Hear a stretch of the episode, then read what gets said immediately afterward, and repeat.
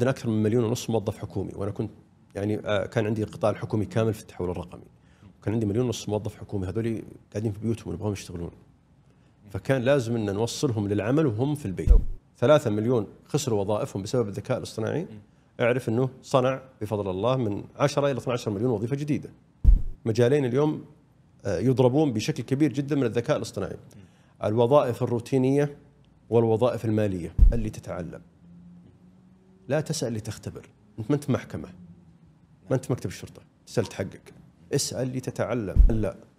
حتى الجامعة ما أسأل عنها. حتى المعدل ما أسأل عنه. معدل والجامعة مهمة ولكن المهارات اليوم اللي أنا أحتاجها كشركة أو كجهة حكومية واللي أنت تقدمها كمرشح لا إحنا نكمل بعض. مبروك. توظفت.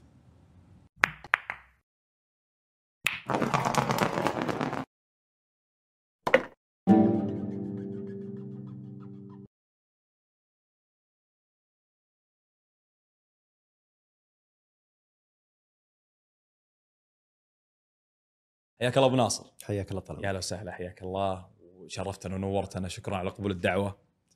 الله يسلمك. آه، أبو ناصر أول آه، سؤال عندي يخص مدينة تبوك. أنت بديت دراستك في مدينة تبوك. آه، كيف كانت تجربتك في مدينة تبوك؟ وكيف أثرت في الشيء اللي تسويه اليوم؟ نتشرف بوجودنا معكم اليوم ولعلك بدأت. بسؤال دائما عميق. دائما البدايات تحكم النهايات. نعم. حتى لو كانت بسيطة ولكن لها أثرها. أكيد. مدينة تبوك على مدينة في الشمال الغربي للمملكة العربية السعودية في هذاك الوقت تتكلم عن عام 1996 97 في ال- ال- الفترة هذيك كانت تعتبر آه، آه، مدينة كلاسيكية لا في لا إنترنت ولا جوال آه، ولا شيء. وكانت تبنى على الشخصية اللي الواحد يتربى عليها سواء من البيت من المجتمع من المدرسة ومن المسجد. فكانت فترة جميلة جدا أن الواحد يعترف بسؤال يك- يكاد يكون مهم جدا اللي هو من أنت؟ وهذا السؤال مهم جدا. تعريفه صعب يحتاج وقت ولكن الأدوات والمهارات والمجتمع له مشاركة كبيرة جدا في تعريف سؤال من أنت.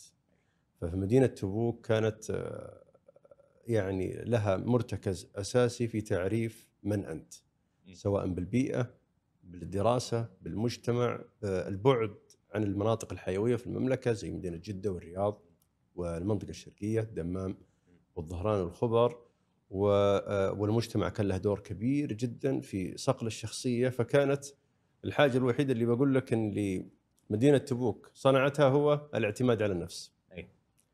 إنه اعتمادك على النفس متطلب أساسي إن المسيرة تستمر. في غربة وقتها. طبعا طبعا. الوضع كان صعب في الوقت هذاك؟ الوضع صعب في كل مجال. ما ما, ما كان في منطقة تبوك لوحدها. ولكن بحكم إنه وسائل الاتصال ما كانت موجودة. الجوالات والهاتف بال بال بالطريقة اللي موجودة اليوم. نتكلم عن عام كم؟ آه عام 1997 اي اللي هو عام 1416 يمكن اي تقريبا. هذاك الوقت ما كان في لا إنترنت ولا تواصل فعلا اجتماعي إي. ولا حتى ستلايت ولا آه، كان كان يعني بداية الوضع كلاسيكي بشكل بشكل كبير أي. جدا أي. من حسناته. إنه يخليك تعرف نفسك بدون مؤثرات خارجية نعم. فتكتشف من أنت أي. اليوم لو تقيس الوضع على 25 سنة راحت اليوم الوضع الواحد يع- يعرف شخصيته من أنت في مؤثرين خارجيين أو مؤثرات خارجية تحاول أن تشارك في التعريف. وهنا تأتي المخاطرة إن شخص خارجي أو جهة خارجية أو مجتمع خارجي يعرف من أنت قد يكون التعريف خطأ. قد يكون يعني آه، غير مناسب. قد لا تكون أنت. يا تخسر هويتك يعني. نعم. فهنا تكون المخاطرة. فهذاك الوقت من فضل الله علينا جميعا أنه كانت المخاطرة مغيبة وكانت تعتمد كليا على الفرد أن يعرف من أنت. جميل جميل. طيب بعد كذا ابو ناصر انتقلت إلى جامعة الملك فهد للبترول والمعادن كيف تصف تجربتك في جامعة البترول والوقت اللي قضيته فيها؟ كانت ال- يعني آه، من المصادفه أنها الجامعة الوحيدة اللي أنا قدمت عليها والكلية الوحيدة اللي قدمت عليها. ولم يعني ما, ناويها بس ما- ما كان في خيار آخر الا هي. ولسبب أنه يعني آه، من فضل الله كنا نشوف مستشارين من شركة أرامكو يجون لمنطقة تبوك ويعملون ويزورون المدارس. فكان أحد المستشارين آه، يعني رجل آه، من الولا- من الولايات المتحدة الأمريكية كان يقول آه، يسألنا يقول وين ودكم تتخرجون؟ ما هو حلمك؟ فكان أغلبنا يعني كان كان يقول أبغى اكون عسكري أو معلم. إيه. فشاف غياب كبير جدا للطب والهندسة. فراح كان أعطانا يمكن محاضرة وقال روحوا أطباء ومهندسين، فأنا رحت ذاك اليوم ذيك الأيام في الصف الثاني ثانوي والثالث ثانوي. إنه أنا مالي في الطب بس إني أحب أحل مشاكل. قال روح مهندس وروح مهندس حاسب آلي وهذاك الفترة هندسة حاسب آلي ما كانت موجودة حددها إيه بس إنها كانت معروفة في الدول الثانية نعم. زي الولايات المتحدة صحيح. الأمريكية واوروبا والمناطق هذه ف... فكان مصطلح جديد علي أنا ك... كشخص وكعائلة ما عمرنا سمعنا فيه أي. فسألته سؤال قلت له يعني الجامعة اللي أروح لها قال روح جامعة الملك هذا البترول والمعادن بحكم انه جاي من أرامكو. فخلاص بيتنا النية وسوينا الطريق ورحنا قدمنا وكانت الجامعة الوحيدة اللي قدمت فيها ودخلتها. هذا من فضل الله عز وجل. الحياة في الجامعة ذاك الوقت كان انقطاع. ما كان في تواصل مع الأهل ما كان في أقارب. الرحلات كانت آه، تنصدم من الطيران كان من تبوك حايل حايل القصيم القصيم الرياض الرياض الظهران. 7 الصباح. توصل 10 في الليل. يعني ما كان في تواصل. ولا كان في جوالات ولا كان كان في انقطاع كامل غربة كاملة كانت. فهذه لها أثرها حتى على الفرد لما ينتقل. والجامعة يعني عرف عنها الحزم في التعليم والقوة في المعايير والكفاءة في الشهادة. فما كان فيها آه، آه، تغيب أو غيره. فكانت كانت فترة جميلة جدا تعلم على من تعلم الاعتماد على النفس في منطقة تبوك كيف يعتمد على نفسه في الجامعة ويتخصص ويتخرج. فصقلت يعني مبدئين مهمة جدا على على على الفرد الجانب النفسي والجانب العلمي. فصقلتها بشكل كبير جدا وإن كانت كانت مرحلة شديدة في التعلم ولكن يعني لا لا يوجد مجال للظن أن أنها كانت مرحلة جميلة جدا انتهت وكنا جدا سعيدين فيها. طيب أبو ناصر أنت اخترت النصيحة في تحديد المسار المهني اللي سلكته. اليوم الطلاب يسمعون نصائح كثير، وجهات آراء كثيرة ومختلفة ومتناظرة.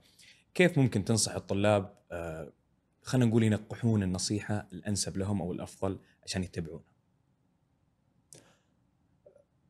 سؤال مهم لأن لأنه الآن حتى من يعطي النصيحة قد يكون تعرفه وقد يكون لا تعرفه.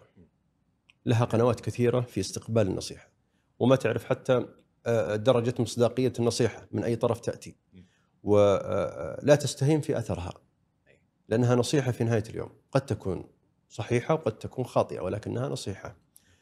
آه، فإذا كان اعتمادك كليا على اتخاذ القرار على غيرك على الطريقة على غيرك فأنت مخطئ. من يختار بناء على النصيحة فهو لا يملك الخيار. لا يملك الخيار ابدا. مسير. نعم لا يملك الخيار. لما تسأل أي تخصص تروح معناته أنت لازم تكون عارف. أنا كيفني في المجال العلمي، كيفني في مجال الرياضيات، كيفني في مجال الحفظ، كيفني في مجال الأحياء، كيفني في مجال الهندسة، الفيزياء، الأمور هذه كلها، قس نفسك. قس نفسك على وقائع وقائع وأحداث وحقائق أمامك. بعدها تصل لمرحلة ضبابية بعد ما فلترت. أروح هندسة حاسب آلي ولا أروح هندسة ميكانيكية؟ واحدة في الرياضيات واحدة في الفيزياء. استشر. ومن شاور الناس شاركهم في عقولهم. مهمه استشر. والأهم انتقي مستشاريك، ما هو أي واحد تستشيره. القرب سواء كان بالدم أو بالنسب أو بالصداقة ليس عذر. ما هو خوي أخوي أبوي أمي ما يعني لهم اختصاص. قدرهم لا لا لا ابدا لهم قدرهم وكل له قدره ولكن من كان له باع في المسألة من كان له قدما في المسألة. ذو. يسأل يسأل. حتى لو ما كنت تعرفه اسأله. ولكن لديه من الحقائق والوقائع ما يرجع إليه في الجواب. وهذا مهم جدا. فهذه بشكل مختصر ما على ما على الفرد اذا اذا اذا إذا بيختار التخصص. طيب مهندس علي اليوم الطلاب اللي مقبلين على هندسة الحاسب الآلي أم، صار عندهم تردد نوع من الخوف بسبب الثورة الصناعية والذكاء الاصطناعي وال AI والأشياء هذه. كيف تشوف تأثير ال AI اليوم على الجانب التقني خصوصا هندسة الحاسب الآلي وال- والجانب التقني يعني بشكل عام؟ هل تعتقد إنه فعلا راح نوصل لمرحلة بعض التخصصات راح نستبدلها بالكامل؟ يعني أنا يعني خليني أرجع خطوة لوراء. دائما الأسئلة هذه إذا ما كان لها أصول تستند لها تكون الإجابة يعني آه، متشعبة بشكل كبير جدا ولكن نرجع خطوة لوراء. كان في الثورة الصناعية الأولى والثانية والثورة الصناعية الثالثة. اليوم إحنا على أبواب الثورة الصناعية الرابعة. دعنا نقيس على الثورة الصناعية الثالثة. لما نهض العالم في العلوم الميكانيكية والكهربائية. كان أكبر المتأثرين قطاعين، قطاع الزراعة وقطاع الصناعة. وكان هذول القطاعين كل أغلب البشر كانوا متوظفين فيهم. فلما جاءت الثورة الصناعية الثالثة ألغت ملايين الوظائف. المصنع اللي كان فيه آه، 2000 إلى 3000 موظف صار اليوم يقوم على 70 أو 80 موظف فقط. والأجهزة تقوم بكل الشغل. تم. المزارع مثلا في الولايات المتحدة الأمريكية كانت المزرعة تحتاج 12000 إلى 14000 مزارع لم الحصاد والزراعه والبذر وال- والحصاد وكله اليوم صارت يعني بحد أقصى سبعة مزارعين بحد أقصى وكله صار عن طريق ال- المكائن. والكهرباء والأجهزة. وين راحوا هذول اللي اللي, اللي أتت الثورة الصناعية الثالثة وخسروا كل وظائفهم بالملايين وين راحوا؟ هل اشتكوا؟ هل ذكرناهم اليوم؟ هل عرفنا وين راحوا؟ صارت إعادة تأهيل مما انها اثرت على المجال التعليمي والمهني وراح منطقة عبور لهم لتخصصات أخرى تخدم الثورة الصناعية الثالثة.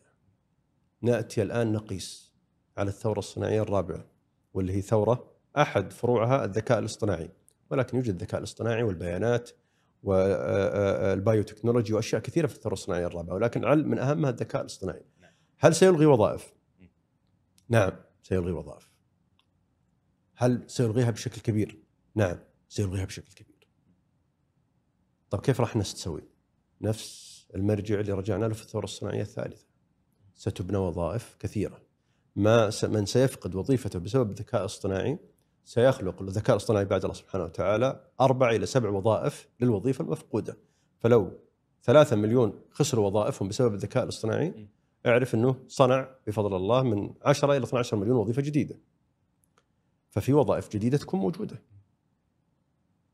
يجب الآن نمارس نفس ما تم ممارسته في الثورة الصناعية الثالثة، إعادة تأهيل ومراجعة النظام التعليمي لاستيعاب مخرجات الثورة الصناعية الرابعة. هل راح نعمل فيه؟ لا، الدول تتسابق، في دول تسبق وفي دول لا ما تسبق. راح يكون في انتقال للكفاءات من مناطق جغ- جغرافية متعددة حتى أنها تستوفي متطلبات الثورة الصناعية الرابعة. يمكن سؤالك من أكثر ناس راح يخسرون ال- ال- الثوره ال- ال- بسبب نعم. الثوره الصناعيه الرابعه والذكاء. الاصطناعي. نعم. اللي اليوم يخسرون ونحن نتحدث ما نتكلم عن شيء بيحصل في ثلاث أربع خمس عشر سنوات لا اليوم اثنين مجالين اليوم آه، يضربون بشكل كبير جدا من الذكاء الاصطناعي الوظائف الروتينية والوظائف المالية المالية نعم؟ الوظائف الروتينية لأن الأتمتة مع حسن اتخاذ القرار بالذكاء الاصطناعي ما عاد لهم حاجة نعم. مثل السكرتارية مثل المتابعة مثل الاتصالات الإدارية مثل الأمور هذه كلها ما عاد لها حاجة إيه. خلاص الأتمتة مع حسن اتخاذ القرار في الذكاء الاصطناعي الغت ألغتها كليا نعم. الوظائف الروتينية اليوم هم اليوم قاعدين يتأثرون بشكل كبير جدا أي. المالية لأنها تقوم على الخوارزميات والمعادلات والمراجعة. وهذه من الأساسيات تعلم في الذكاء الإصطناعي من- منها تعلم لغة الآلة ال machine learning وال database اللي هي ال data management البيانات وال decision making اتخاذ القرار. أكثر قطاع يستخدم الثلاث صناعات القطاع المالي. لذلك مثلا في الثورة الصناعية الرابعة أكثر الشركات المنشأة حديثا تعمل في التقنية المالية الفنتك ليش؟ ليش ما راحوا مجال ثاني؟ كيف الفنتك هي أول قطاع الثورة الصناعية الرابعة يعني كان بدأ فيه. لأن التقنية المالية تعتمد بشكل كبير جدا على الأنظمة المحاسبية على أنظمة المراجعة على المعادلات الدولية على الخوارزميات على أشياء كثيرة. هي أصلا من اليوم مثبتة بمناهج معتمدة ومعايير معتمدة. اليوم الخوارزميات في الذكاء الاصطناعي بكل جدارة ألغت وجودهم. موجودة كل الخوارزميات وتقدر تطور فيها زي ما تبغى والبيانات محفوظة تقدر تحللها زي ما تبغى واتخاذ القرار القرار بناء على الذكاء الاصطناعي موجود تقدر تسويه. فالتقنية المالية اليوم أول قطاع في الثورة الصناعية الرابعة بدأ بزرع الأساسات للذكاء الاصطناعي في النظام المالي. هل سيكون هناك غياب للوظف؟ نعم سيكون هناك. هناك غياب للوظائف في القطاع المالي. بتأثير الذكاء الاصطناعي. البنك أو المصرف أو المؤسسة المالية اللي فيها 1500 1200 3000 موظف يعني يمكن راح يتم خسارة لا يقل عن 60 إلى 70% من الموظفين بشكل كامل. لأن الأنظمة المالية أسرع الجديدة المعتمدة على الذكاء الاصطناعي أسرع وأدق وأجدر وتفتح مجالات للتوسع في نظام الأعمال بشكل كبير جدا. هذا بشكل مختصر. يعني أنا أتصور على العكس تماما إن الجانب التقني بالعكس راح تزيد فيه الوظائف مع الذكاء الاصطناعي. نقدر نلخصها بعد النقطة. لعلي أبني عليها. الثورة الصناعية الرابعة ليست تقنية. فقط. لا. الثورة الصناعية الرابعة فيها الطاقة الخضراء فيها الطاقة المتجددة فيها أشياء كثيرة تبنيها. ولكن التقنية هي معيار أساسي في نجاحها. اليوم التقنية ليست كالتقنية في السابق. التقنية في السابق قد تكون أنظمة لإدارة الأعمال أنظمة لإدارة التقنية أنظمة لاداره الشبكات البيانات وانتهى الأمر. اليوم لا. التقنية دخلت في مفهوم جديد يسمى الاقتصاد الرقمي. الاقتصاد مبني على التحول الرقمي اللي هو ال digital economy ناخذ مثال. اوبر لو سألتك اوبر كشركة في أي قطاع؟ مواصلات. قد نقول ذلك ولكن ليست في المواصلات. هي شركة تقنية معلومات. تقنية معلومات. نعم ولكنها تعمل في مجال المواصلات. المواصلات اليوم هذا الاقتصاد الرقمي عرفه. اليوم لو اتفق الناس كلهم إنهم يحذفون تطبيق أوبر من الجوال إيش يصير الشركة؟ تخسر كثير. تختفي. نعم. تختفي. مم. كليا. كليا. تختفي. لأنها لا تملك لا السيارات ولا السواقين. يسمونها الكراود سورسنج أو المشاركة المجتمعية. ما تملك أي شيء. تملك منصة التطبيق نعم يسمونها value proposition platform اللي هي منصة إضافة القيمة قائمة بالكامل على التحول الرقمي ولكن لخدمة قطاع المواصلات. جميل. فهذه منصة اليوم فقط. لو حذفت التطبيق من الجوال اتفقوا الناس كلهم يحذفون التطبيق قفلت الشركة في نفس اليوم. حرفيا تعلن أفلاسها في نفس اليوم. فقط. هذا هو الاقتصاد. الرقمي وهذه هي الثورة الصناعية الرابعة. وهذا اللي إحنا اليوم متجهين له بشكل كبير جدا. هذا جوابي على سؤالك. طيب أبو ناصر آه، وش تعتقد أبرز المهارات اللي يحتاجها الشخص المهتم في الحاسب الآلي أو هندسه الحاسب الآلي تحديدا؟ لعل ال- المهارات العلمية والأكاديمية مهمة. ما هذه هذه بلا شك. هذه الأساس. اللي ال- ال- الذي يبنى عليه ما هو أعلى. ولكنه أساس. ولكن لما نسأل عن المهارات تعتمد على الشخص نفسه. آه، شاب أو فتاة كان. تعتمد عليهم بشكل كبير جدا. ولكن لعلي دائما أفضل مهارة معينة قد تتوقع إني إني أقول مهارة تقنية المعلومات، مهارات آه، البرمجة، مهارات آه، آه، بناء المنصات، مهارات تطوير البرمجيات، التطبيقات، الأمور هذه كلها يعني. على عيني وعلى رأسي هذه كلها محترمة وكلها مطلوبة، ولكن أنا أنا المهارة اللي تعتبر عندي مفترق الطرق هي مهارة التساؤل. ابني مهارة التساؤل. لما يطلب منك شيء اسأل. ودائما على الزملاء عندي حتى في الشركات اللي عندي وال- وال- وال- والخبرة السابقة في القطاع الحكومي دائما يسمعوني أقول اسأل لتتعلم. لا تسأل لتختبر، أنت ما أنت في محكمة. ما في مكتب الشرطة، تسال تحقق. اسأل لتتعلم. ليش؟ ليش تسأل لتتعلم؟ لأنك كذا تبني التساؤل. لما تسأل عشان تتعلم هذا يجرك على جواب من رجل فاهم أو من امرأة فاهمة. وهذا الجواب يجر سؤال آخر يفتح الآفاق. فالتساؤل كل ما كان دائرة معرفية مستمرة كل ما كان الأثر عالي جدا. فهذه المهارة جدا مهمة في الوضع الحالي في أي ثورة صناعية تمر فيها. لذلك اليوم الواحد عشان يسأل نفسه هل أنا أملك المهارة هذه أو لا؟ خير مثال التجربة، جرب. روح اسأل. اسأل عن أي موضوع، مو بشرط موضوع في تخصصك، روح اسأل. إذا آه، قبلت الجواب من مرة واحدة عندك مشكلة. لازم تستمر. لازم تستمر في التساؤل. لتتعلم وليس لتختبر. اسأل لتتعلم. استمر في التساؤل. سألتك ما اسمك؟ اسمي والله علي. إن سكت أنت مخطئ. اسأل. علي بن من؟ والله أنا علي بن ناصر. اسأل. اسأل زيادة.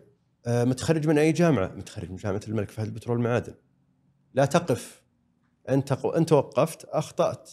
استمر بالتساؤل لتتعلم لأن هذا ما يبني الخبرة والمهارة في أي طريق جاءت سواء كنت في طريق الطب الهندسة التعليم ال- ال- ال- الفضاء لأي طريق. ولكن ما دامت مهارة التساؤل مبنية على أساس التعلم والفائدة فهي مهارة مطلب وهي بإذن الله الخير.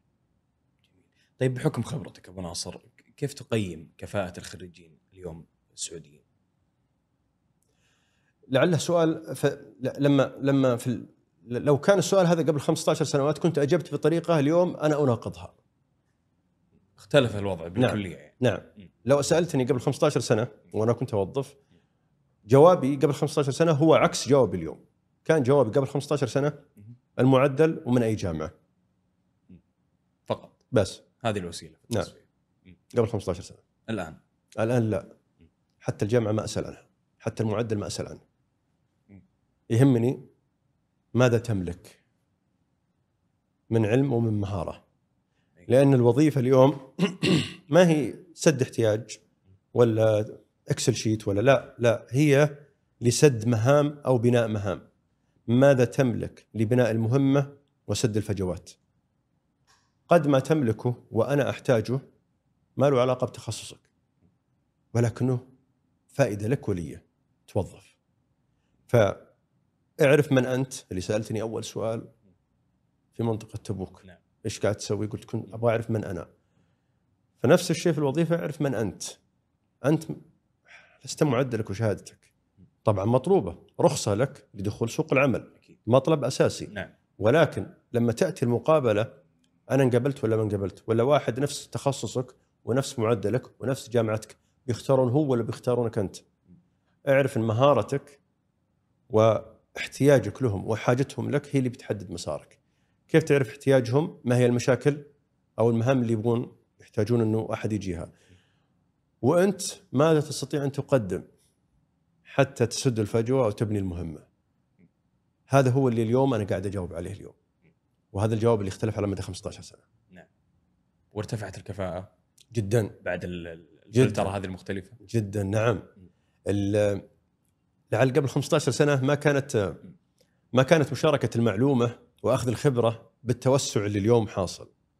ما كان في إنترنت زي اليوم جوجل والكورسات المجانية وال- صحيح. ما كان في شيء. فتعتمد على ما ما أخذت في الجامعة. ومعدلك اليوم لا. اليوم قنوات التعلم أصبحت كثيرة جدا. ومجانا كمان. يعني ما تدفع عليها شيء. بس تحتاج وقتك وتركيزك. فمن يملك الوقت والتركيز لبناء هذه المهارات وهو في الجامعة هذا يوظف. هذا يوظف. لأنه بنى مهارات لا يملكها الطالب الجامعي. لذلك السؤال بعد 15 سنة تغير. نعم ال- ال- المعدل والجامعة مهمة ولكن المهارات اليوم اللي أنا أحتاجها كشركة أو كجهة حكومية واللي أنت تقدمها كمرشح لا إحنا نكمل بعض. مبروك توظفت. مهمة يعني نقدر نقول مكافأة ولا؟ نعم نعم. يعني لو كنت معدل عالي ومن جامعة عريقة وما عندك مهارات وجاء أحدهم بمعدل متوسط ومن جامعة متوسطة بس يملك مهارات هذا بيتوظف قبلك. هذا راح يتوظف قبلك. وأتحدث من علم وخبرة. ما هو من آه، أبحاث وتقارير. أكيد طيب خلينا نتكلم أبو ناصر عن ال- العمل في القطاع الخاص والحكومي وغيرها. أنت ما شاء الله يعني بحكم خبرتك عملت في القطاع الخاص والحكومي والآن تدير شركتك الخاصة. كيف كانت تجربتك في القطاعات الثلاثة؟ وأيهم اللي شفته الأنسب؟ وليش؟ يمكن بدايتي كانت في القطاع الخاص. وهذا شيء يعني بحكم العمل كمهندس حاسب آلي وعلوم الحاسب الآلي ومن هالمجال. ولكن انتقلنا للعمل الحكومي آه، آه، بفضل الله بعد إطلاق رؤية المملكة 2030 آه، المحفز التغيير الطموح والتغيير. رأينا الطموح ورأينا رأينا الرؤية رأينا التغيير. ف كقيادات في القطاع الخاص أنجزنا مع شركات سواء كانت أمريكية أو أوروبية أو غيرها ولكن اللي استفدناه وتعلمناه بلدنا أولى فيه. خذينا العاتق الوطني أكبر من العاتق الشخصي فكانت فرصة إنها تيجي الواحد ينطلق مثل ما انطلق في القطاع الخاص ينطلق في رؤية جديدة رؤية المملكة 2030 وبقيادة طموحة وبرؤية طموحة وبتغيير وهذا اللي رأيناه.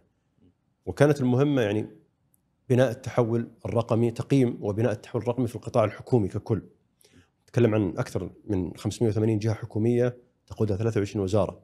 فكانت المهمة كبيرة جدا ولكن يجب أن تقاد. والشكر لولاة الأمر على تكليفنا بهالمجال وفعلا في برنامج يسر اشتغلنا في التعاملات الإلكترونية وحولنا اليوم إلى انتهت مهمتي بتحويله إلى هيئة الحكومة الرقمية وشاركت بفضل الله سبحانه وتعالى في آه، آه، بناء هيئة البيانات والذكاء الاصطناعي السعودية والهيئة الوطنية للأمن السيبراني. حطينا البنية التحتية لقيادة التحول الرقمي وهذا مهم جدا. هذا مهم جدا، الاستدامة في العمل تتطلب مشرع ومنظم ومنفذ منفصلين وهذا ما كان ينقص التحول الرقمي واليوم الحمد لله انبنى وصار الآن ينطلق وهذا اليوم اللي خلصنا. انتهت مهمتي في القطاع الحكومي بعد ما دخلت كمان جائحة كورونا وكانت بعد ما اشتغلنا بثلاث سنوات كان الدرس آه، آه، آه، يقيس جدوى خطة العمل وإدارة الأزمات اللي بنيناها في ثلاث سنوات. نعم. فكانت تجربة جدا فريدة من نوعها في إدارة الأزمة وهي أزمة كانت تمر فيها العالم كله. والحمد لله عدت بخيرها وبشرها والحمد لله اليوم إحنا إحنا بفضل الله عز وجل في خير وسخاء. عدت بعدها انتهت مهمتي وعدت بعدها لشركه ميلا الرقمية ميلا ديجيتال واللي بنيناها من, من أول فنفس نفس النطاق في الاقتصاد الرقمي والحكومة الرقمية، يعني أنا ما تركت الصناعة اللي أنا بنيتها، لا أنا ما زلت فيها ولكن من طرف آخر. من طرف آخر كشركة مطورة كبيرة جدا في تقنية المعلومات والمنصات وهندستها من ناحية الذكاء الاصطناعي والبيانات والخدمات. أنا راح أفصل إن شاء الله شوي في موضوع الجائحة وموضوع برنامج يسر لكن قبل ما أبدأ في الموضوع هذا يعني مهندس علي أنت ما شاء الله مسيرتك المهنية طويلة وتدرجت فيها في المناصب يعني مناصب مختلفة كيف ممكن الواحد إنه ينجح ويترقى وظيفيا خلينا نقول والله هذا سؤال آه، آه، يعتبر جوهر. الترقية تعتبر تكريم. نعم. تكريم ليس لشخصك بل لفعلك. فيجب أن تعرف ليش تبغى تترقى؟ ليه ودك بالترقية؟ وكيف تقاس الترقية؟ يعتمد على القيادة الموجودة في المنظمة. ولكن لنتكلم عن القيادة الحكيمة أو المثالية. ماذا تتوقع منها؟ الأثر. إن لم يكن هناك أثر صنعته يستحق التقدير فانت رقيت ما تستاهل الترقية. لازم يكون يستاهل الت- التقدير والاحترام. حقق الأثر واصنع الأثر. الأثر ما هو الأثر؟ هي النتائج. النتائج في آه، مهمة معينة أنجزتها لا لا من ينجز المهمات كثير الحمد لله. المستدامة يعني المستد... لا ما هو الأثر الذي تطمح اليه؟ هل هو أثر تحقيق إطلاق منصة؟ آه، إطلاق سياسة، آه، إطلاق تطبيقات، إطلاق خدمات، بناء نماذج عمل جديدة في تقنيات مختلفة زراعية، عدلية، مالية، تجارية. ما هو الأثر؟ خلق وظائف وطن طموح يعني آه، يب- يبنى اقتصاديا ومجتمعيا بشكل كبير جدا، ما هو الأثر اللي أنت تستاهل إنك تترقى عشانه؟ إن لم تعرف أثرك خليك محلك. غيرك أولى بتحقيق الأثر وقيادته. لا تتعب نفسك وتتعب غيرك. لأن الشخص إذا كان ما يعرف الأثر اللي يود تحقيقه ما زال في بدايته. ما زال يتعلم. تعلم. تعلم وأنجز. واعرف الأثر واصنعه. سيت ستنتقل في السلم الوظيفي والإداري بشكل أنت لا تتوقعه. ولم تكن جاهز له. ولكن صناعتك للأثر هي فرصتك لإثبات نفسك وإثبات عملك ومشاركتك في الرؤية اللي كلنا نعمل اليوم لأجلها رؤية 2030. بس ما تشوف مهندس علي إنه من الصعب إن الواحد يصنع أثر مستدام في بعض البيئات يعني بعض بيئات العمل قد يعني يكون واحد موظف في شركة واصلة يعني مواصيل خلينا نقول كبيرة مرة. فكيف أصنع أثر في شركة؟ مثلا خلينا نقول مثل شركة أرامكو أو مثل آه، جهة حكومية مثل وزارة الداخلية مثلا. بهذا المنوال ما راح أكون قادر على إني أترقى. فهل في طرق أخرى ممكن إنها تكون يعني تسهل علي طريق الترقيه هذه؟ والله أنا سئلت السؤال هذا يمكن 100 مرة. وجاوبته بنفس الجواب ولن يتغير. عندك طريقتين. إما أن تأتي بجديد في مجالك في الشركة اللي أنت فيها، في الجهة اللي أنت فيها. وتم الاقتناع بأنها طريقة جدا ممتازة. هذه طريقة راح تضمن لك الوصول إلى مرتبة أعلى. صعبة سهلة؟ صعبة. ولكنها أكيد لكنها مقدور عليها نعم. مع التمكين ومع آه، آه، آه، النموذج الجديد مقدور عليه.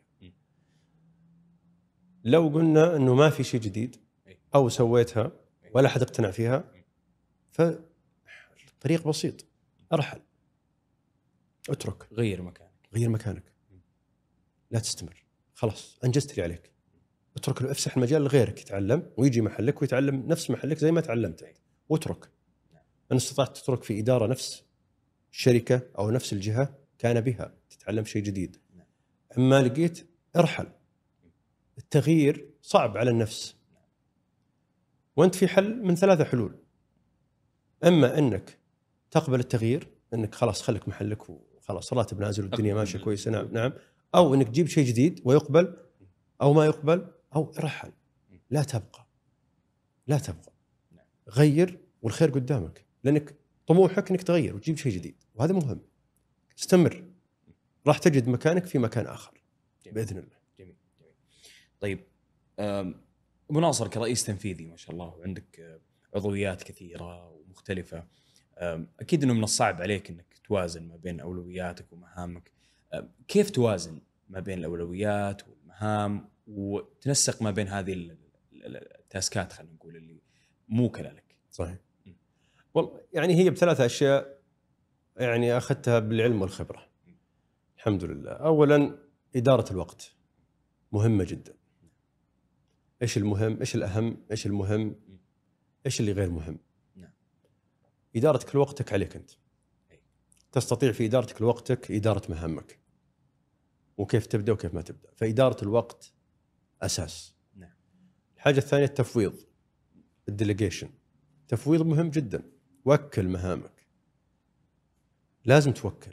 ابدأ. عندك رئيس الشؤون المالية عندك رئيس الشؤون الموارد البشرية رئيس الشؤون التقنية رئيس فوض صلاحيات.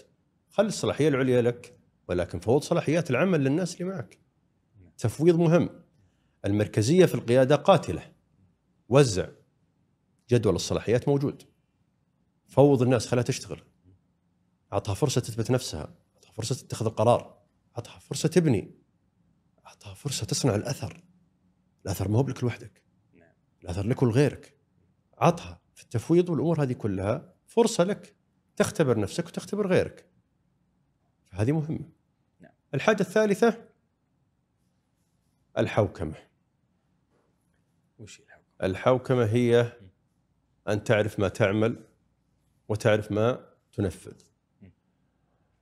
لا تشتغل في كل شيء. الحمد لله عندنا أربع شركات ومجالس إدارة في الحكومة والقطاع الخاص ونشتغل ولكن في آه، حاجة اسمها يكفي. خلاص. وقف. اعرف قدرتك. هذه يسمونها الحوكمة. الحوكمة هي أن تعرف ما تحتاج وأن تقول كفى لما لا تحتاج. دائما في الجواب نعم أو لا لا أصعب من نعم. دائما نقول نعم نعم نعم نعم نعم نعم ولكن لا ما لا. هي الأصعب. نعم. ليه؟ لأن الضغط الاجتماعي، الضغط ال- ال- ال- العملي، الضغوط كثيرة تمنعك عن الإجابة بلا. ولكن لا مهمه. لما تقول كيف نقدر نوزن بين الأعمال في عضويات مجلس الإدارة في اللجان الوطنية في الشركات اللي عندنا. هي بالثلاثة اللي ذكرتها إدارة الوقت التفويض الحوكمة. حوكمة إنك تقول لا وتقول نعم وتعرف الوقت المناسب في الشغله المناسبه وتقول. طيب أبو ناصر أنت خلينا نتكلم يعني شوي على التحول الرقمي الآن. اشتغلت لفترة كرئيس تنفيذي لبرنامج يسر. بعدين انتقلت لوحدة التحول الرقمي. صحيح. ودي أسأل وش نقصد ببرنامج يسر؟ اللي هو برنامج التعاملات الحكومية الرقمية. وش كانت وظيفته؟ وش الآلية اللي كان يخدمها برنامج يسر آه، البرنامج كان للتعاملات الإلكترونية. وبشكل بسيط أنه يكون لكل جهة حكومية موقع الإنترنت. جميل. يسمونها ال online services الخدمات الالكترونيه م. كل جهة حكومية تحاول يكون عندها موقع على الإنترنت تقدم خدماتها. أي. بدأت بأن كل جهة حكومية تحط خدماتها بشكل تعبيري معلوماتي فقط. بس إذا احتجت شيء لازم تروح لمكتب الجهة. ما تقدر تنفذ. ما تقدر تنفذ. أي. فكان الهدف أن ننقل الخدمات من ال- المكتب إلى الموقع. كل شيء يتم عن طريق الموقع. أي. لذلك طلقنا بفتره سنتين تقريبا نقلنا إلى وصلنا إلى فوق ال آه، 4800 خدمة إلكترونية على مواقع الإنترنت للجهات الحكومية. نقلنا لا يقل عن 82% من الخدمات الحكومية إلى مواقع الإنترنت هذا مؤخر هذا م- هذا قبل أربع سنوات م. تقريبا إلى أن صارت أغلب الجهات الحكومية لو وصلنا لمرحلة نضج عالي جدا في التسعينات إن كلهم خدماتهم إلكترونية على مواقع الإنترنت. أي. تيجي تسألني طيب انتقلنا وأسسنا هيئة الحكومة الرقمية وهيئات ثانية ودنيا وامور كذا، ليش؟ صار عندنا 1500 موقع. من اللي يحفظ هذه كلها؟ يعني آه، لو ان موقعين ثلاثة 10 100 200 أوكي بس إنه صار عندنا منصات كثيرة. مواقع كثيرة تطبيقات كثيرة ولكن بنينا البنية التحتية لل... لل... للتعاملات الإلكترونية من الربط الشبكي ربط الشبكات بين الجهات إلى مشاركة البيانات إلى أطلاق المنصات إلى مشاركة الخدمات. أي. اليوم ننتقل إلى تجر... تجربة تطوير. تطوير تجربة العميل واللي هي المهمة. أطلقنا رحلات عمل كثيرة جدا مع الجهات الحكومية. آه، رحلة المولود الجديد تلقاها مشاركة ما بين وزارة الداخلية ووزارة الصحة والجوازات ووزاره الخارجية وتطلع له جواز ودنيا وشهادة صحية ووكالة العائلة ودنيا. أي. اليوم صارت في رحلة كاملة تطلع بدون ما تسوي شيء. نفس الشيء في البحث عن السكن نفس الشيء في السجل التجاري. بدء العمل التجاري صار تجربة موحدة. قبل كنا نقول فيها 60 خدمة إلكترونية اليوم ما ما نعد. اليوم صارت تجربة موحدة لبدء العمل التجاري. بنقول لك إيش تحتاج. ضغطه ضغطتين ثلاث الدنيا كلها جاهزة. الضغطه ضغطتين ثلاث هذه يمكن فعلت لها 30 40 خدمة إلكترونية في السابق كنت تدخل تسوي كل واحدة لوحدها. اليوم صارت. بضغطتين ثلاثة وخلصنا كل شيء. جميل. نقلنا وهذه الحكومة الرقمية. انه صار عندنا الآن آه، مستودع كبير من الخدمات ومستودع كبير من البيانات مما أعطى البلد فرصة للأتمتة والتحليل واتخاذ القرار. وهذا الشيء مهم جدا. البيانات ما تستطيع إنك تتخذ قرار إذا ما عندك بيانات. أكيد. فالقرارات القائمة على البيانات هي قرارات واقعية حقيقية موثقة وهذه مهمة جدا. اليوم بدأنا فهذه من الأشياء اللي اليوم الحكومة الرقمية تعمل لبنائها. وهذا هو نفسه كمان يسقط على وحدة التحول الرقمي والاقتصاد الرقمي. بحكم وجود البيانات بشكل كبير جدا في الصناعات والسوق صارت الآن تخلق نماذج عمل جديدة جدا مبنية على البيانات كليا. فالبيانات اليوم هي مستودع كبير ضخم جدا. أنا كنت أسميه وكان البعض يمكن يعتب عليه. هم يسمونه النفط الجديد. ونحن نسميه النفط الجديد. إذا نظرت له من منظور اقتصادي. نعم. ولكن من منظور وطني أنا أسميه البنية التحتية. البنية التحتية في السابق كنا نقولها على الشبكات والموجهات. ال router ال switches والكابل والامور دي كلها والاتصالات. صحيح هذه في الفترة السابقة. الفترة اليوم البيانات هي البنية التحتية. صار الاعتماد عليها بشكل بكل شيء. كبير جدا. كنا نتحدث قبل شوي على الذكاء الاصطناعي لن يكون هناك ذكاء اصطناعي لم يكن هناك بيانات. فهذه مهمة جدا. فهذه المرحلة اللي مرينا فيها. طيب لما نتكلم أبو ناصر عن التحول الرقمي وش نقصد بالتحول الرقمي؟ كيف نعرف التحول الرقمي؟ هو هو مفردتين مهمة جدا التحول والرقمي. خذ خذ كل واحدة لوحدها. التحول هو أنك أنت اليوم في وضع ودك تروح وضع جديد. ليش تروح وضع جديد؟ إما لحل مشكلة أو اقتناص فرصة. جميل. إما لحل مشكلة أو اقتناص فرصة. فأنت اليوم قاعد تتحول. بعدين جينا الرقمي اي بدل ما نكون على ورق ومكاتب خلونا نخليها قنوات رقمية تطبيق منصة موقع. فلنتحول رقميا. خلونا ننطلق أو نحل المشكلة ونقتنص الفرصة بالطريقة الرقمية. عن طريق التطبيق البيانات المواقع المنصات. هذا هو التحول الرقمي.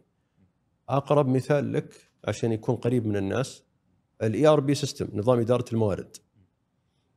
قبل ال ERP كانت كل شيء ورق وإدارات وتوقيع وتلف على مكاتب وتلف على مدراء عشان نعم. توقع. ما كان في ERP قالوا نبغى نتحول نبغى الوقت يقل. آه، آه، التوظيف في الي- اليوم الأول يستلم ال laptop وال email والتقييم وكل شيء ونخلص كل شيء في يوم واحد. سابقا كانت تأخذ ثلاثة شهور. نبغاها في يوم واحد. هذا تحول مؤسسي. نحتاج نحل المشكلة هذه ونقتنص فرصة بأنه نقدر نوظف ناس كثير. صحيح. بحيث أن نتوسع. فهذا تحول مؤسسي. جينا على التحول الرقمي. خلونا نجيب لنا نظام يساعدنا في أتمتة كل الصلاحيات هذه وتوثيقها وبدءها رحنا على أنظمة ال ERP systems اللي هي الاداره المؤسسية للموارد وفعلا دخلنا التحول مع الرقمي وبنينا منظومة داخلية جدا مؤتمتة وذكية. صار ال- يتوظف اليوم ياخذ إيميله وياخذ ال- البطاقة حقته وياخذ كل شيء. شيء جاهز. ولا يحتاج يكلم أحد. وعنده حتى طلب الإجازة من ال system ال- المهام كل شيء من السيستم. صارت تجربة سلسة جدا للموظف. هذا هو التحول الرقمي. قس على ذلك قطاعات كثيرة في الحكومة والقطاع الخاص والشركات والعمل الدولي. بدل ما يقوم لازم تحول مؤسسي لحل مشكلة أو اقتناص فرصة. والرقمي لفتح باب جميل جدا للحل أو للاقتناص والتوسع. وهذا هذا اللي نطمح له. وهذا اليوم هو ما نقول عن الاقتصاد الرقمي. جميل جميل. طيب مهندس علي المملكة لها قصة نجاح كبيرة في أثناء جائحة كورونا. كيف تمت إدارة الجائحة رقميا بنجاح في ذيك الفترة؟ ال- الجائحة كانت اختبار حقيقة ل- لحاجتين أساسية إدارة المخاطر وإدارة استمرارية الأعمال. وكانت جائحة قاسية آه، بأن بدايتها كانت صعبة جدا لا مجهولة لا نعلم آه، الفيروس وطبيعته وتأثيره على صحة البشر. نعم. فكانت درس حقيقي جدا لإدارة الأزمات آه، آه، ما كان أكثر ضغط علينا جميعا إنه القناة الوحيدة الحية في هذه الجائحة هي القناة الرقمية. الناس قاعدة في بيوتهم. لا يقدر يروح السوبر ماركت ولا يروح الدوام ولا يروح المستشفى ولا يروح يصرف الأدوية ولا يروح أي محل، قاعد في البيت مقفل عليه الباب. خايف. هذه أزمة. أزمة كبيرة جدا. الحاجة الوحيدة انه عنده إنترنت. فنستطيع نوصل له. فكانت هذه اختبار للبنية التحتية الرقمية للبلد في هذاك الوقت. واختبار قاسي جدا لذلك لعلي لن أطيل فيها لأنه الفترة هذه كانت سنة كاملة كنت رئيس عدة لجان ومبادرات للاستجابة الرقمية للجائحة ولكن لعلي يمكن أذكر منها أربعة هي ال- اللي اللي اللي كانت قوية جدا ويعني كان كانت قيادتنا لها مع الفريق بشكل رائع ومتعب وقاسي ولكنه كان ناجح. آه، منصة التعليم عن بعد إنه كان فيه تاريخ لازم يبدون مدارس وما نقدر نغيره. فلازم تكون كل منصات مدرستي ومنصة نور وكلها بقيادة وزارة التعليم على قدر من الكفاءة والتقنية بالاستجابة لمتطلبات التعليم سواء من طلاب ولاة أمر مدرسين أو إداريين. فكانت هذه قطاع التعليم عن بعد مرحلة كبيرة جدا آه، أشكر الزملاء وقيادات وزارة التعليم على إنجاحها. المرحلة الثانية التقاضي عن بعد. كان في محاكم وكان في قضايا وكان في دنيا وحقوق ناس والحقوق لا لا تترك. لا تترك. فكانت التقاضي عن بعد أحد الأشياء بقيادة وزارة العدل اللي كلنا نفتخر فيها. آه، آه، صارت الآن على الوقت. وبالتاريخ وانت في بيتك ولا في سيارتك تأخذها. يتم اعتماد هويتك تدخل تسمع تاخذ القضية وتنتهي وتغلق. بالوقت على الوقت. ما في صفسره وما في مسكسره واماكن وتروح بالسيارة لا خلاص انتهت. فكانت التقاضي عن بعد واليوم التعليم عن بعد والتقاضي عن بعد ما زلنا نعمل به. لأن وجدنا فائدته وقت الجائحة. بالعكس تطورت أكثر. نعم نعم لأنه وهذا هو التحول الرقمي. وهذا هو التحول الرقمي. التحول لوحده لا يكفي. أنا أضفت عليه الرقمي أنجزت أكثر مما تتوقع. توسعت. الحاجة الثالثة اللي هي اللي, اللي, اللي اشتغلنا عليها العمل عن بعد. ال ال ال عندنا أكثر من مليون ونص موظف حكومي وأنا كنت يعني آه، كان عندي القطاع الحكومي كامل في التحول الرقمي. كان عندي مليون ونص موظف حكومي هذول قاعدين في بيوتهم ونبغاهم يشتغلون. فكان لازم إن نوصلهم للعمل وهم في البيت. بعضهم ما عنده إنترنت بعضهم ما عندهم لابتوب الفي بي ان الدخول على بعض الجهات ما عندها منصات أصلا يدخل عليها عن طريق الإنترنت. فكانت آه، آه، مبادرة كبيرة جدا إلين بحمد الله حتى الاجتماعات تعقد واللجان تعقد على منصات التواصل آه، الرقمي بالفيديو بالصوت والصورة والتصويت وكل شيء فكانت العمل عن بعد ان نخلي الناس تشتغل بكامل أهليتها وكفاءتها من المنزل بدون نقص فكان العمل عن بعد يعني مبادرة كبيرة جدا وأنجزنا فيها والحمد لله بقيادة وزارة الموارد البشرية والتنمية الاجتماعية. الأخير وتركته للأخير لأنه القريب من قلبي. وهو آه، التوجيه آه، الملكي بعودة المواطنين في الخارج. لأنها كانت جائحة عالمية صحيح. وكانت آه، والناس كانوا برا. المطارات قفلت، الجهات قفلت، الفنادق قفلت، كل شيء كان مقفل. كان عندنا فوق ال 80 ألف مواطن ومواطنة خارج المملكة، فجانا التوجيه إن إن في خلال أربع أسابيع بقيادة وزارة الخارجية وهيئة الطيران المدني ووزارة الصحة ووزارة التعليم دخلناها عشان عشان المدارس. آه، آه، إنه نرجع الناس اللي برا، فبنينا المنصة كاملة مرتبطة بكل الجهات الحكومية بتطبيق بمركز اتصال دولي، يعني حتى لو كان عندك جوال وأنت في أي دولة في العالم تتصل على رقم ثابت ببلاش. ما يعوقك شيء، تتصل علينا في مركز اتصال آمر ونكلمك ونخلصك. ومنصتك موجودة تدخل تسوي الطلب ونتابعك ويتم التواصل معك بثلاثة بالمنصة وبالإيميل وبالجوال. ما ننقطع عنك. وفي خلال أربع أسابيع بعد الإطلاق الحمد لله أعدنا أكثر من 88 ألف مواطن ومواطنه من خارج المملكة. فكانت هذه تركتها الأخير لقربها الاجتماعي للناس. وكيف إن التحول الرقمي كان له أثر كبير بعد الله سبحانه وتعالى توجيه ولاة الأمر إنه إنه يعيد عشرات الآلاف من الخارج في وقت جائحة كانت كارثة صحية على كل الدول وكل العالم.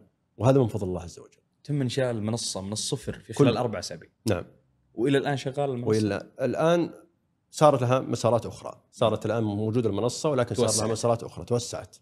وإذا بنيت شيء وانتهت أو انتفت الحاجة له ولكن نموذج العمل موجود ويخدم أكثر من شيء. أكثر من شيء. ما تستغني عنه فجهات ما كانوا يكلمون بعض في رحلة طيران صاروا اليوم يكلمون بعض في رحلة طيران أيه. تستخدم في مجالات كثيرة. وهذا وهذا الأثر. وهذا الأثر اللي لازم يبقى. اعمل ليرى أثرك. وإن كان لجائحة ولكن ما بعد الجائحة إن شاء الله أبرك. فاستمر. يستمر نعم. يستمر. طيب على ذكر الحكومة الرقمية أبو ناصر والتحول الرقمي في فرق بين الحكومة الرقمية والحكومة الذكية ولا هي مجرد مرادفات؟ لا لا في فرق. وش الفرق بينها؟ في فرق.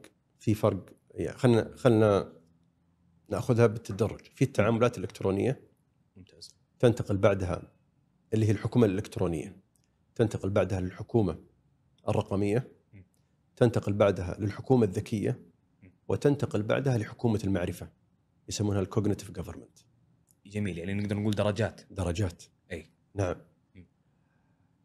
الحكومة الإلكترونية الحكومة الرقمية هي ما ذكرت لك الحكومة الرقمية نعم. تركيز على تجربة العميل أكثر نعم. رحلة العميل. وليس الخدمات. إحنا في الحكومة الإلكترونية خلصنا 4800 خدمة. نعم. الحمد لله. بس طلع. الآن رحنا للحكومه الرقمية وهي رحلة العميل وهي مهم جدا. لأنه لأنه توحيد لتجربة المستخدم وهذا شيء مهم جدا. الحكومة الذكية اليوم صرنا يوم يوم يوم في الحكومة الرقمية بنينا رحلة العميل ومنصات العمل ومشاركتها بشكل كبير جدا. صار عندنا كمية بيانات وكمية خدمات عالية وكبيرة جدا ولنا دخول مباشر عليها كحكومة رقمية. فوجود البيانات هذه بشكل مؤسسي يدعم اتخاذ القرار. فالحكومة الذكية تعتمد على البيانات. الحكومة الذكية تعتمد على البيانات. البيانات اليوم عندك ثلاث مستودعات، مستودع سابق وهو التاريخ اللي حصل، مستودع حالي وهو ما يجري اليوم ومستودع توقعات المس- المستقبل ماذا سيحدث غدا. أنت ما تعرف وأنا ما اعرف ولا أحد يعرف أكيد. بس اللي نعرفه اليوم ونعرف اللي راح. هذه الثلاث مستودعات اليوم موجودة. الحكومة الذكية تبني أدواتها على دعم اتخاذ القرار بناء على المستودعات من البيانات التي جمعتها الخدمات والمنصات اللي بنيناها. فالحكومة الذكية في دعم اتخاذ القرار. طب نجي على حكومة المعرفة. ما هي ال cognitive government هي ال smart government هي الحكومة الذكية. ولكن. الحكومة الذكية لدعم اتخاذ القرار. حكومة المعرفة أو ال cognitive government هي اتخاذ القرار. اتخاذ القرار. نعم. هي اتخاذ القرار.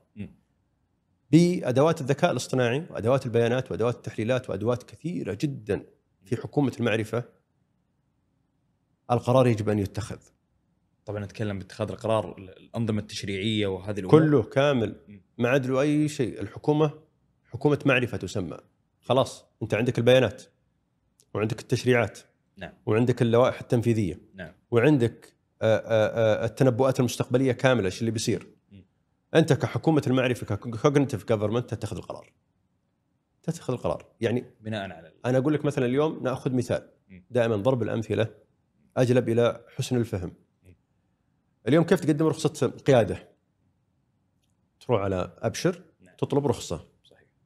إذا عديت سن 18 سنة مثلا يحق لك تبدأ تطلب رخصة. نعم. هذه في الحكومة الرقمية. أي. والحكومة الذكية. حكومة المعرفة لا. عديت 18 سنة. ما عندك أي صعوبات صحية أو أو تعليمية أو غيره إنك تأخذ رخصة تصدر لك الرخصة. وتوصلك باب البيت بدون ما تطلبها. تلقائيا. بدون ما تطلبها.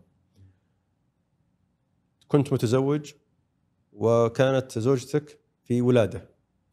ولدت هذاك اليوم بفضل الله عز وجل. جاء المولود الجديد في حكومة المعرفة تلقائيا. شهادة الميلاد تصدر الشهادة الصحية تصدر كرت العائلة يصدر آه، الجواز يصدر كل شيء يصدر بدون ما تطلبه. أنا أتخذ القرار كحكومة المعرفة بالنيابة عنك لأنك تحتاجه. أنت قد تتأخر في طلب وتسجيل المولود. نعم. قد تتأخر في التطعيمات قد تتأخر في ضمه في كرت العائلة قد نعم. تتأخر في أشياء كثيرة. هذا اليوم حاصل. صحيح. لأنه الأنظمة قاعدة تعطي المجال هذا. في حكومة المعرفة لا. ما تتخذ القرار. هو اللي يتخذ. يتخذ القرار نعم. بالمعرفة. وخلاص. هذه ال cognitive government وحكومة المعرفة. متى نوصل للمرحلة هذه أبو ناصر؟ واصلين لها إن شاء الله. وفي خط خارطة الطريق جدا عليها. ولكن كل ما ذكرت يبنى على البيانات. ما دام البيانات كانت بطريقة مؤسسية عالية عالية الوصول وعالية الجودة وعالية عالية المصداقية استطعنا إطلاق العديد من المبادرات. ولكن اليوم كما ذكرت لك يقولون البيانات هي النفط الجديد وهذا صحيح. نعم. ولكن أنا أقول اليوم البيانات هي البنية التحتية. البيانات لازم تكون هي البنية التحتية الموثوقة والمعتمد عليها. حتى إننا ننطلق لأنه تسألني سؤال يقول لك تقول لي ما بعد حكومة المعرفة؟ في شيء بعد حكومة المعرفة؟ أبرد عليك أقول فيه. بس خلينا نوصل اول خلينا نوصل حكومة المعرفة بعدين بقول لك إيش اللي بعدها اليوم إحنا في الحكومة الرقمية باقي الحكومة نعم. الذكية باقي حكومة المعرفة نعم. فلا بعد حكومة المعرفة في أشياء كثير ولكن اليوم خلينا نصل وفي كل طريقة خارطة طريق ومبادرات تحتاج قيادة وتحتاج رؤية وتحتاج دعم وتنفيذ وبإذن الله سنصل إن شاء الله. طيب خلينا نتكلم ابو ناصر عن محور ريادة الاعمال. آه أنت الآن أسست شركة ميلا الرقمية، ودنا تعطينا نبذة عن شركة ميلا. ميلا ديجيتال أو ميلا الرقمية هي شركة آه، آه، يمكن تنقسم على ثلاث وحدات عمل كبيرة جدا. نعم. الوحدة الأولى هي هندسة المنصات بما تشمل البرمجيات والخدمات والتطبيقات والبنيه التحتية لها و ال system integration اللي هي ربط الأعمال مثل الشبكات وقنوات التواصل والامور هذه كلها تكون في ال system integration والثالثة اللي هي الاستشارات وهذا الاستشارات مبدأ مهم جدا عندنا لأنه إحنا نمر بمرحلة تحول فما تستطيع إنك تعطي حل لمشكلة أو اقتناص إلى فرصة بدون أحد يشرح ويبني. ويكتب. ويعلم فمبدأ الاستشارات لدينا عالي جدا. وسواء كانت للذكاء الاصطناعي للبنية المؤسسية ونحن أقوياء جدا في البنية المؤسسية في البيانات في في في المحفزات للثورة الصناعية الرابعة هذه مطلب لنا بشكل كبير جدا. فهذه الثلاثة وحدات عمل آه، آه، آه، نقوم فيها بشكل كبير جدا. هندسة المنصات والبنيه التحتية وال system integration للقطاع التقني بشكل كامل ووحدة الاستشارات والوحدة كبيرة جدا.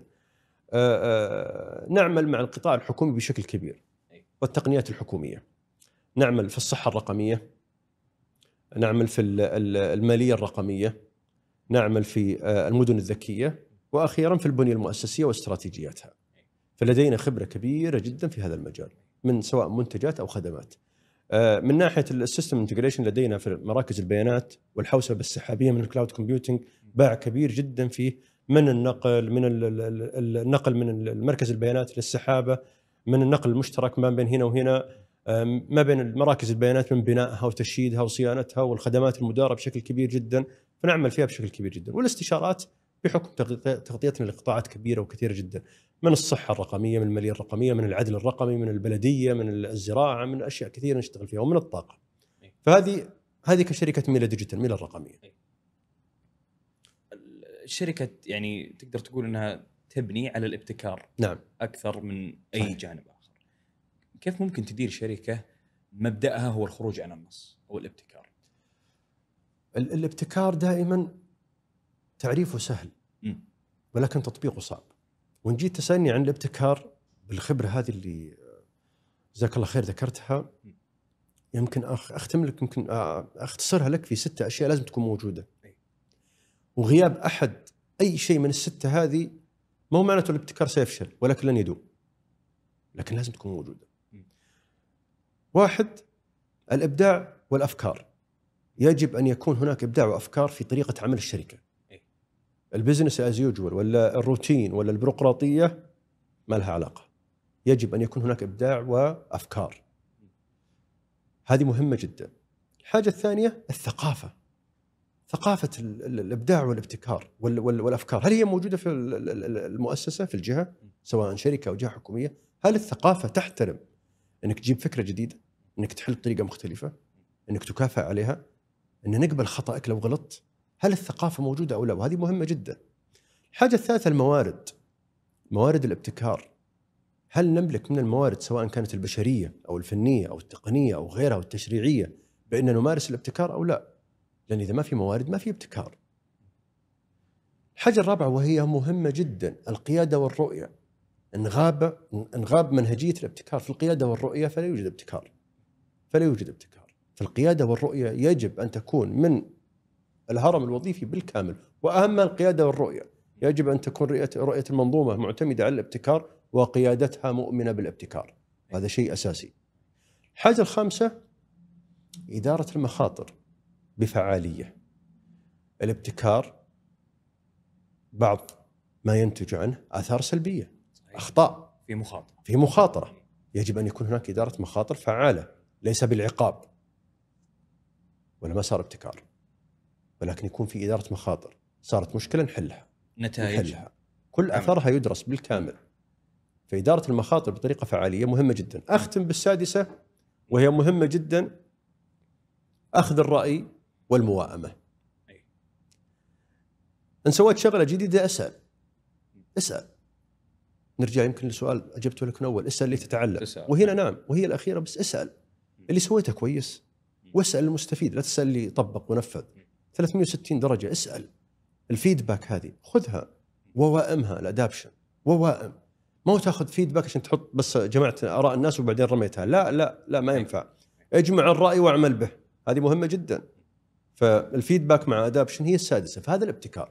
هذه الست أشياء إن لم تكن موجودة كان هناك ابتكار ولكن لن يدوم. ويمكن الله ابتلانا الأيام هذه بوجود منظرين كثير بالابتكار يتحدثون عنه بشكل كثير جدا وقيادات تتحدث عن الابتكار بقنوات مختلفة وأشياء كثيرة ولكن ليس لهم من الابتكار إلا اسمه. ابدا. انظر إلى الأثر. واحد يتحدث لك في الابتكار ويعطيك منهجيات هارفارد وستانفورد وماي تي ودنيا. ما أثرك بعد ما تعرف الكلام هذا؟ نقدر كلنا نحفظ. نقدر كلنا نصير مستشارين ندرس في جامعات نسوي اللي نبغى الحمد لله. ولكن ولكن ولكن من من صنع الأثر؟ وهنا السؤال. من صنع الأثر؟ فمن صنع الأثر بالابتكار هذا يؤخذ من قوله. ومن تحدث بالابتكار ولم يصنع الأثر فيترك. حتى لو نتكلم كلام كويس يترك. فالأثر هو من يعني صداه من يصنع إذا أنت مبتكر أو لا. فهذا بشكل مختصر اللي نمارسه في شركة ميلا ديجيتال أو حتى في الوظائف السابقة أو حتى في مجالس الإدارة الحالية أو حتى في أي شيء نسويه. ابتكار على ست عوامل اللي ذكرت. وما هو معنى غياب أحد منها إنه يفشلها؟ لا أنها لكن لا راح تستمر ولكن لن تدوم. لن تكون ثقافة. فهذا اللي نحتاج إنه نفهمه اليوم.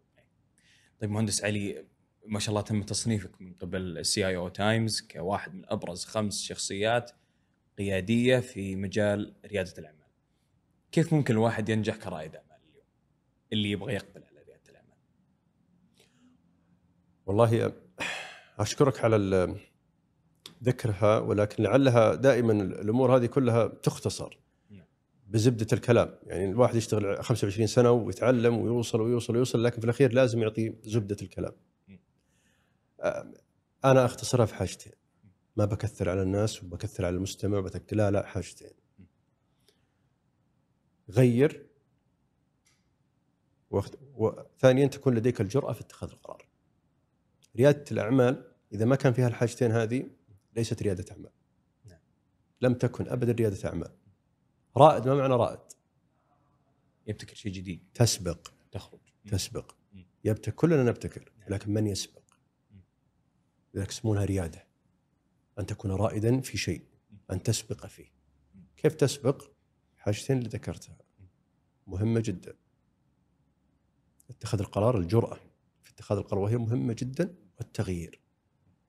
لا تسوي شيء نفسه لا تصلح المشكلة بنفس الحل وتتوقع نتيجة مختلفة. إيه. لن يحدث.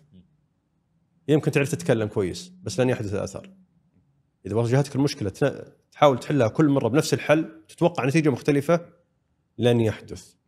غير. خلي يكون لديك فكر إنك تغير.